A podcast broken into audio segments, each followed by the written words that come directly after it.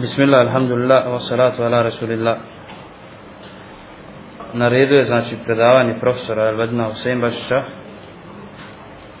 Rekajte, budu. Bismillahirrahmanirrahim. Alhamdulillahi, wassalatu wassalamu ala rasulillahi, ovaj. Govorili smo o početku stvaranja i o tome da je Allah Đelešanu bio prvi i nije bilo ništa, nije postojalo. Nakon toga stvoreno je prvo stvorenje, arš, odnosno Allahovo prijestolje ili pero. Nakon toga dolazi do stvaranja zemlje, potom nebesa, potom na zemlji je stvoreno sve što je na njoj. I zadnjeg dana stvaranja, to je petak, pošto po islamskom kalendaru sedmica počinje subotom, a ne ponedjeljkom, a završava petkom. I zadnjih dana stvaranja, a stvoren je Adam a.s. u zadnjem satu toga dana. Vidjeli smo kako je Adam a.s. pogriješio, počinio je grije i zbog samo jednog jedinog grijeha za koji se je pokajao doživio je kaznu koju ispaštaju svi njegovi potomci. Pratite li me? Jedan jedini grijeh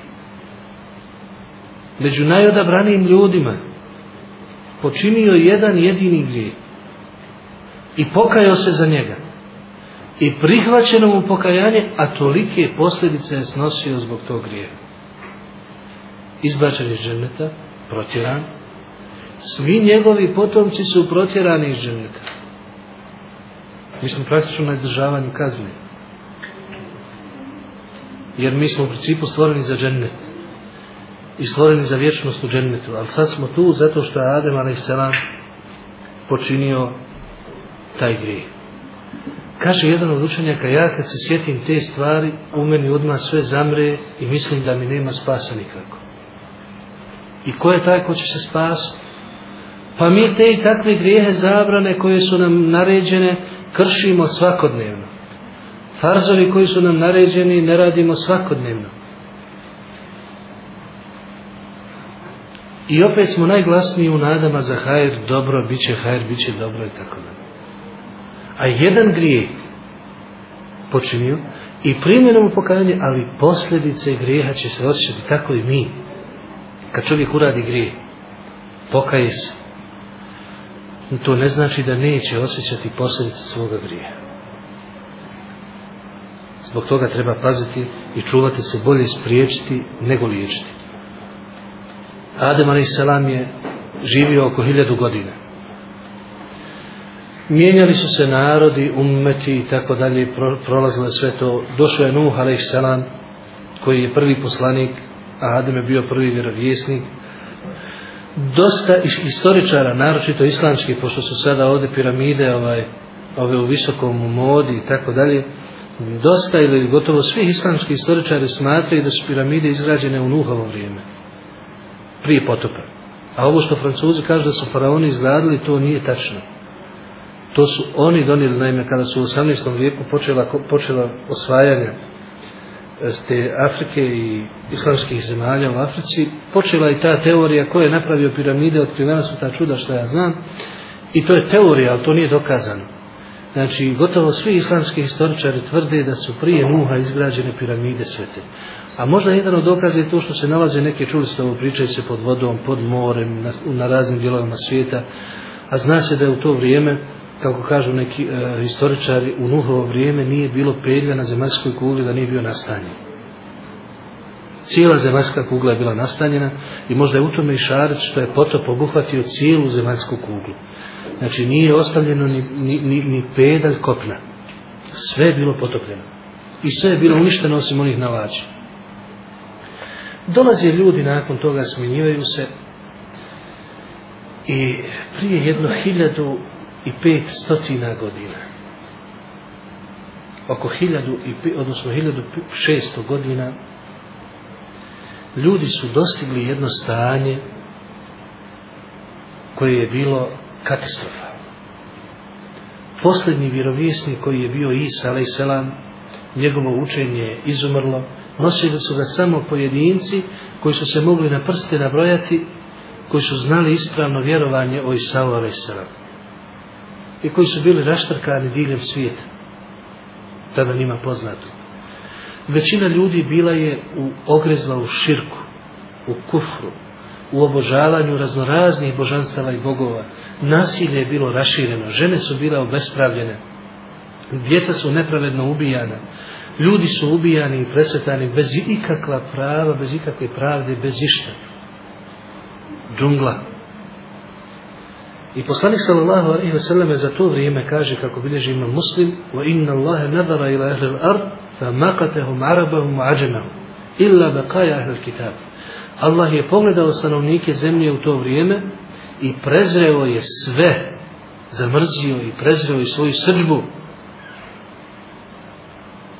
Izlio na te ljude sve koji su bili i Arapi i Nearapi, osim malobrojnih sljedbenika knjige koji su ispravno vjerovali u Musaovu i Isaovu vjeru.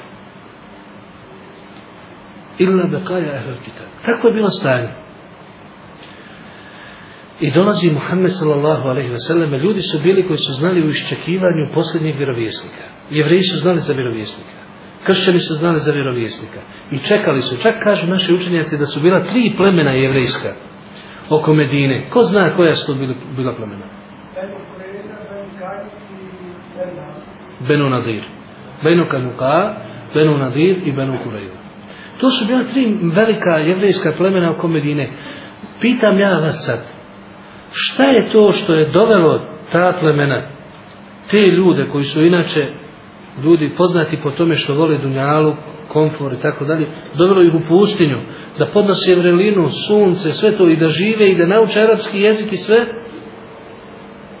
dovelo ih i šama iz raznih dijelova svijeta gdje bi ima lijepa, prijatna i gdje je bila civilizacija tada, zašto su oni došli i nastavili se tu? Zato što su imali tačan opis poslanika gdje će, šta će doći i što se nisu nastavili u Mekke. Zato što su znali da će doći u Medinu kasnije. To je bilo sve opisano u njihovim knjigama. I došli su, znali su, nastavili se i samo čekali. Ali desilo se da je Allah tio da, da, da zadnji poslanik bude iz Ismailovog potomstva, da se rodi u Mekki i uistinu je tako i bilo rodio se poslanik sallallahu alejhi ve selleme kao prvi veliki predznak kıyametskog dana. Rođenje našeg poslanika Muhameda je prvi veliki predznak da je kıyametski dan blizu i da nastupa. Zašto? Zato što je on posljednji, njegov umet je zadnji 70. umet na ovoj zemaljskoj kugli, od Adem ali se nama do danas. Posljednji i zadnji, prema tome, to je znak da kiametski dan dolazi. Poslanik je proveo svojih prvih 40 godina u Mekki mirno, živio je lijepo, oženio se, imao je četvero, petero djece i sve je bilo u najljepšem redu. Međutim, kada je doživio 39. godinu, on je duboko u sebi osjećao potrebu da obožava Allaha Đelešanu, ali nije znao kako. I zavolio je samoću, nije više volio da ima puno posla sa ljudima, da sluša ljude, njihovu priču o Dunjaluku, o svemu tome. Vi znate, ljudi pogotovo ne zna božici, glavna priča je metak žene i ostalo što je vezano za to, trgovina i tako dalje. On to nije volio. Zavolio osamljivanje i obožavao je Allah Đelešanu sa onim što je znao od Ibrahimove vjere. Jer tu u Mekije je bila Ibrahimova vjera. Šta se desilo? odlučio se da se odvoji od svih ljudi i ode na jedno brdo iznad Mekke gdje se u jednu pećinu sklonio. I tu u pećini radio je razne ibadete, razmišljao, provodio vrijeme, slušao, osluškivao i duboko je znao da Allah postoji. A u principu, kažu naši učenjaci, to je sve bila priprema Allahova za njega, za tu veliku, tešku zadaću. Trajalo je to nekoliko mjeseci, Kaže Aisha radijallahu anha kako bilježi imam Buhari, to je trajalo šest mjeseci. Dolazi nova priprema za poslanika u vidu snova. Počeo je poslanik sanjati takve snove koji su bili čisti ko zora. Šta god usnije, prisnije mu se. Šta god sanja, dogodi se u toku dana. Čisti snovi. Istiniti. To je trajalo šest mjeseci. I onda se je dogodio taj Ramazan. Ramazan, kažu naši učenjaci, je mjesec koji je Allah odabrao za sve objave. Kažu naši učenjaci, sve objave su spuštene u Ramazan. I svi poslanici su imali taj mjesec kao poseban, odabran mjesec. I u neparnoj noći zadnjih deset dana Ramazana bila je ta noć kad je poslanik bio u pećini. I sad zamislite sebe. Tama. Nema nikog. Mrtva tišina. Naročito tamo u pustinji nema ni životinja. Kod nas bar ima, oni, bar ima zrikavaca, ima oni baja, ima svašta nešto se čuje u noći. Tamo nema ništa. Vjetar koda stoji. I odjednom pojavi se čovjek I bez ikakve najave, ne kaže vam ni, ni, ni, ni, ni selam aleikum, ni ništa. Kaže vam samo čitaj. Naravno, poslani sa sve se prepao. Prvo nepozna čovjek, ne zna šta je, ne zna ko je. Nepoznat mu bilo kako, a inače dolazi i da je poznat, prepalo bi čovjek, ali ne zna ga nikako. Još mu dolazi s narednom, tako naglo, nema ni pozdrava, nema ništa i ni otkuda. Nije čuo ni korak, ni ništa. Ništa bez ikakve najave i pripreme. Poslanik tresući se kaže, ne znam čitati. Dolazi drugi put, kaže, čitaj ponovo. Kaže, ne znam čitati. I tek mu treći put kaže, čitaj u ime gospodara svog. I tada mu je rekao prvih pijeta ajeta je sure El Alek gospodara koji stvara, plemenitog i tako dalje. I kaže poslanik sa Seleme da ga je svaki put kad bi mu naredio čitaj, toliko snažno ga stisnuo da je poslanik mislio da će ispustiti dušu. Kažu učenjaci, fajda tog stiska bila je prvo da se navikne na Džibrilovo prisustvo. Drugo, da osjeti da to Džibrilovo prisustvo neće biti lahko. Inna se nulki alejke kaule fetila, kaže Alšanu, mi ćemo tebi težak govor spuštati. Kažu sahabi da se znalo dešavati, da je prilikom spuštanja objave na najvrućijem danu poslanika obljevo znoj koda kapa snijega. I da bi deva znala, deva koja je jedna najjače životinje, znala klecati pod pritiskom kada Džibril dođe i spušta poslaniku avion. Znači taj stisak bio je koji šaret da neće to biti nešto lako.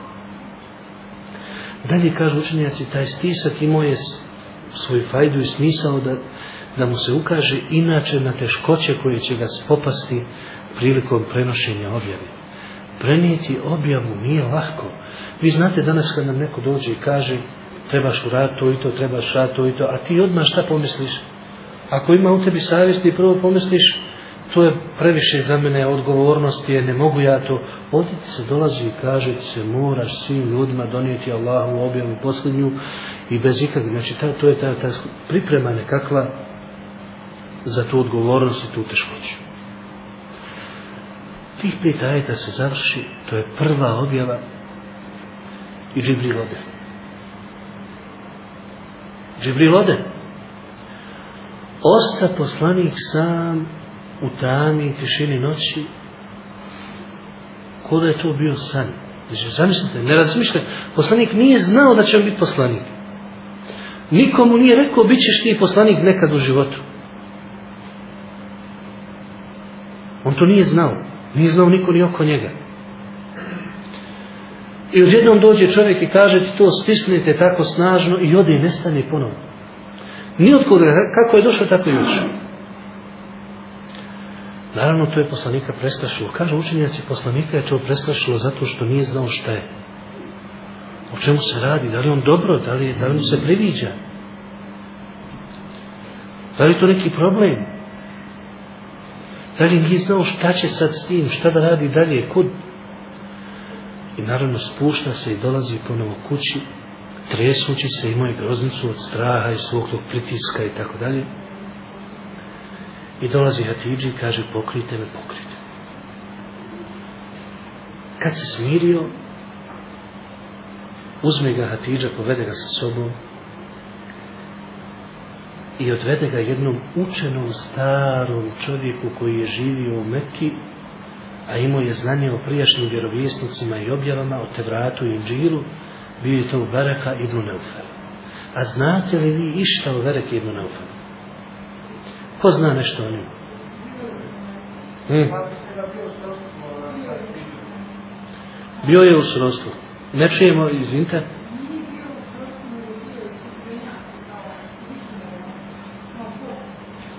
A bio je znači učenjak, poznavao je e, Tevrat.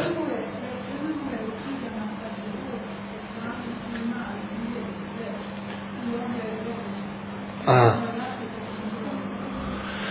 On je znao, ali nije on znao da je to Muhammed s.a.v. Nije znao Verka. Verka je bio učenjak, to je bio naime čovjek koji je živio u Mekki prije poslanika.